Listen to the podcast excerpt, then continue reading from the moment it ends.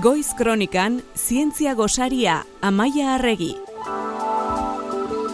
Esan genuen joan den astean ere, azaroa, zientziaroa dela gurean. Eta hori berrestera datorkigu gaur, Amaia Arregi, DIPC, Donostia International Physics Centerreko zientzialaria eta komunikazio teknikaria. Kaixo, Amaia? Kaixo, egun hau nigotz. Nazioarteko zientzia arte eta literatura topaketa bihar bertan, hasiko baita donostian, eta aitzaki emanten digu horrek gaur, edertasuna hitz egiteko, baina goazen poliki. Topaketa zargibideak lehenengo amaia. Bai, bueno, ba, pandemia joan den urtean eragindako etenaren ondoren, zientzia arte eta literatoriari buruzko nazioarteko topaketen laugarren edizioa datorren asten ospatuko da, bai, astelentik aurrera, osea, bihar bertan. Eta idazle ikertzaile, zientzialari eta humanista bilduko ditu edertasunari buruz ikuspegi zabaletik hitz egiteko. Edertasunari buruz. Bai. Mhm. Izordua tabakalerako kutsa kultur espazioan, ezta? Hori da, astelenetik aste azkenera izango da. Topaketa bi urtean mehan antolatzen da mestizajes programaren baitan, eta orduan goizez e, DIPC gure ikerketa zentroan izango ditugu adituentzako workshop edo topaketa bat egingo da, jardunaldi batzuk, eta gero arratsaldez publiko orokorrarentzat izango dira tabakaleran itzaldi irekiak. Goizez adituen topaketak alegia zuentzat, asko dakizuen ontzat, eta arratsaldean publiko zabalarentzat e, itzaldiak. E, mestizajes programa ipatu duzu ala ere, aztaldi guzu zer da mestizajes? Bueno, mestizajes 2008an Donostia International Physics Center ikerketa zentroak e, Gustavo Ariel Schwartz fizikariaren gidaritzapean abiatutako programa bat da. E, izena berak dioen bezala, ba, mestizajes proiektuak elkarrizketa eta ideien arteko hartu emana sustatu nahi du zientzia artea, literatura eta humanitateen artean. Batipat harreman horiek zientziaren eta literaturaren artean landu dira, baina bueno, pixka bat, ba, orokortasunean. Eta ekimen ugari bultzatu dira azken urteetan, eta batzuk kontatu nahiko nizkizueke, Adibidez, e, la entrevista antzez lana e, sortu zuten Gustavo Suartz eta Luisa Etxenikek, eta Euskal Herriko hiri askotan antzeztu zan. Gero, e, nodos liburua ere aipagarri iruditzen zait, zeren bertan parte hartu zuten, ba hori, artista, zientzelari idazle eta kuspegi desberdintako pertsonek, horien artean adiez Siri Husbeltek ere parte hartu zuen liburu hontan, miresten dudan idazle bat da, eta zugarra iruditu zen berak ere liburu hontan parte hartu izana. Eta gero adibidez, kreatibun proiektua. Proiektua ere oso interesgarri izan zan, sormen zientifikoa eta oroar sormen prozesuaren inguruko gogoeta ederra egiten duela eta hortarako ba gure ikertzaileak parte hartu zuten. Beraz, gizarte orokorrak urrun ikusten dituen disiplinak, alegia zientzia eta arte sorkuntza esaterako uztartzen dituen eh, programa izango litzateke bestizajez eta horren adira. Bi hasiko diren topaketak esan dugu, beste kontzeptu ez oso errez bat e, zientziaren ikuspuntutik behintzak kanpoti begiratuta. Urtengo ekitaldiaren ardatza edertasuna izango dela. Bai. Uztargarriagote dira ba, edertasuna eta zientzia. Ba, bueno, nik uste dut baiet. Topaketen e, azalpenean egiten diren galderak ja, ja niri gogoa piztu diate e, gerturatzeko. Mhm. Adibidez, zer eragiten du pintura eleberri edo teoria bat ederra izatea. Zenbat du subjektibotik eta objektibotik edertasunak. Zer gertatzen da gure burmuinan edertasuna identifikatzen dugunean. Zeintzak lagun aldi ezaguke edertasuna ulertzen, bueno, galdera pila bat daude, Bai. eta eta azkena ere plantatzen dutena niri gustatzen zaidana, demonstrazio matematiko bat polita izan daiteke, askok pentsatuko duten noski ez ez. Eta zu pentsatuko duzu baietz. Ba, ni pentsatzen dut, baietz, ni fizikaria naiz, eta esan diestazueket, baietz demonstrazio batzuk polita direla, beste batzuk aspergarriak direla, ba, karreran zar, batzuekin ere aspertu nintzen, beste batzuekin libratu nintzen, batzuk eleganteak izan daitezke eta beste batzuk originalak. Denetarik dago mundu hortan ere. Demonstrazio matematiko ez ari da, eh? Adjektibo horiek erabiliz. E, orokorrean, onartzen da plazer estetikoa eragiten diguten formulek komplexutasuna simplifikatzeko gaitasuna dutela. E, neri hau kurioso iruditzen zait, zeren jende asko pentsatzen du zientzialario gauza komplexuak gustatzen zaizkigula, ez? Zaiak komplexuak eta hori bai, da guztiz- oso zaila direnak. Bai, eta guztiz kontrakoa da. E, guri sinpletasuna gustatzen zaigu. Komplexua den zeo zer, sinpleki esplikatu baldin badezakezu, horrekin jagu zorion txugea.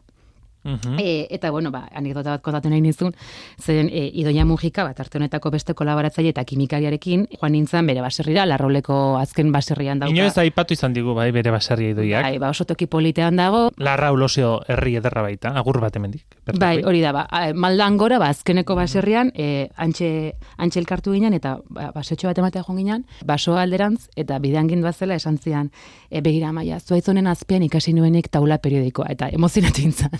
Eta esan, jo, ba, ze polita, ez ze ederra, bai, horrelako anekdotak, e, ba, zientzaren ikuspegitik ez ditugu kontatzen, baina, bueno, e, kimikariak, ba, gutxi gora bera taula periodikoarekin erdi obsesionatuta bizi dira, biologoak e, evoluziorekin bezala, eta eta kontatu nahi nizun anekdota. Arra inorri sartu badiogu, orain arte pentsatu ez dugun aspektuetatik, edertasunari begiratzeko arra, aipatu dezagun zein den egitaragoa, bihartik aurrera hasiko diren jardunaldi horiena. E, bai, ba, aipatu berri ditugun edertasunaren inguruko galderi erantzuteko, ba, e, izango ditugu aditu asko, letretatik, artearen mundutik eta zentzetatik, eta edertasunaren eta plazer estetikoaren arteko relazioak plantatuko dituzte simetria eta edertasuna, simetriaren rola fisika teorikoan, zentzu estetikoaren eta haren oinarri biologikoen garapena evolutiboa, eta bar, osea, askorako emango du. Orduan, e, ba, pixkat programa kontatzearen, bihar, Francisco González Fernández eta Luis, Luis Etxenik izango ditugu. Luis Etxenik idazle donostiarra Bai, ezaguna da gure artean. Edertasunari buruz hitz du astronomia, literatura eta beste hainbat ikuspegitatik. Eta Francisco González Fernández, Obiedoko Unibertsitatik etorriko da, eta berak literatura eta matematika harremana harremanen inguruan hitz egingo du liburu asko idatzi ditu gai horren inguruan. Aste artean berriz, eh, Elisa Garrido Moreno eta Agustín Fernández Maio izango ditugu. Eh, Agustín Fernández Maiok eh, behin baino gehiagotan parte hartu du mestizajes programan eta naturaltasunaren falaziari buruz hitz egingo digu. Asteazkenean berriz, eh, Maria García Díaz eta Javier Argoio izango ditugu. Maria eh, fizikaria da, eh, baina bueno, fizikaria, musikaria eta poeta ere, bai, pixka denetik egiten du, orduan ipus, Oso mestizaje digu. honetarako, ez da? Mestizaia hori da. berarelako. Eta berak hitz egingo du mekanika kuantikoaren eta literaturaren arteko antzekotasunaz. Zein genuen mekanika kuantikoaz, e, orain dela aste batzuk, e, beraz, e, hori eta literatura uztartuko ditu, ados? Bai, bai, eskorako emango du, aiak eta edertasunari buruz hitz egingo duten eta ikuspegi desberdinetatik ba, hemen pare bat gogo eta txo, nire gogo eta xumeak utzi nahi dituz, ni aditua gai hauetan ez naiz, baino, baino oso interesgarra iruditzen zait eta ni noski gerturatuko naiz. Alde batetik, ba, simetriari buruz, e, komentatu nahi nuen zeo zer. Edertasun irizpide kontsideratzen dugu bai hartetan eta zientzian ere ez. Adibidez, fizikan simetriek simplifikatzen eta orokortzen laguntzen digute eta fizikari asko simetrien atzetik dijoaz iraupen legeekin harremana dutela. Bai, egia Baina da. e, arteetan ere, arkitekturan nola ez, simetria behin da berriz ikusten dugu, baina aurpegi baten edertasun ere simetriarekin erlatzionatzen dugun zeu zer da. Baina adibidez, liburu batean, e, lehen da biztiko zirakorri nuenean, ba, e, guk simetria bilaterala edo albo simetria daukagula, ba, claro, ez nuen inoiz hortan pentsatu, animaliaia guztio daukagu simetria bat, ba, korputzaren erdian, e, ispilu bat eukiko bagenu bezala, egia da organoak barruan ez direla guztiz simetrikoak, baina bueno, gure gorputzak simetrikoa dira eta simetria bilaterala daukagu, ez?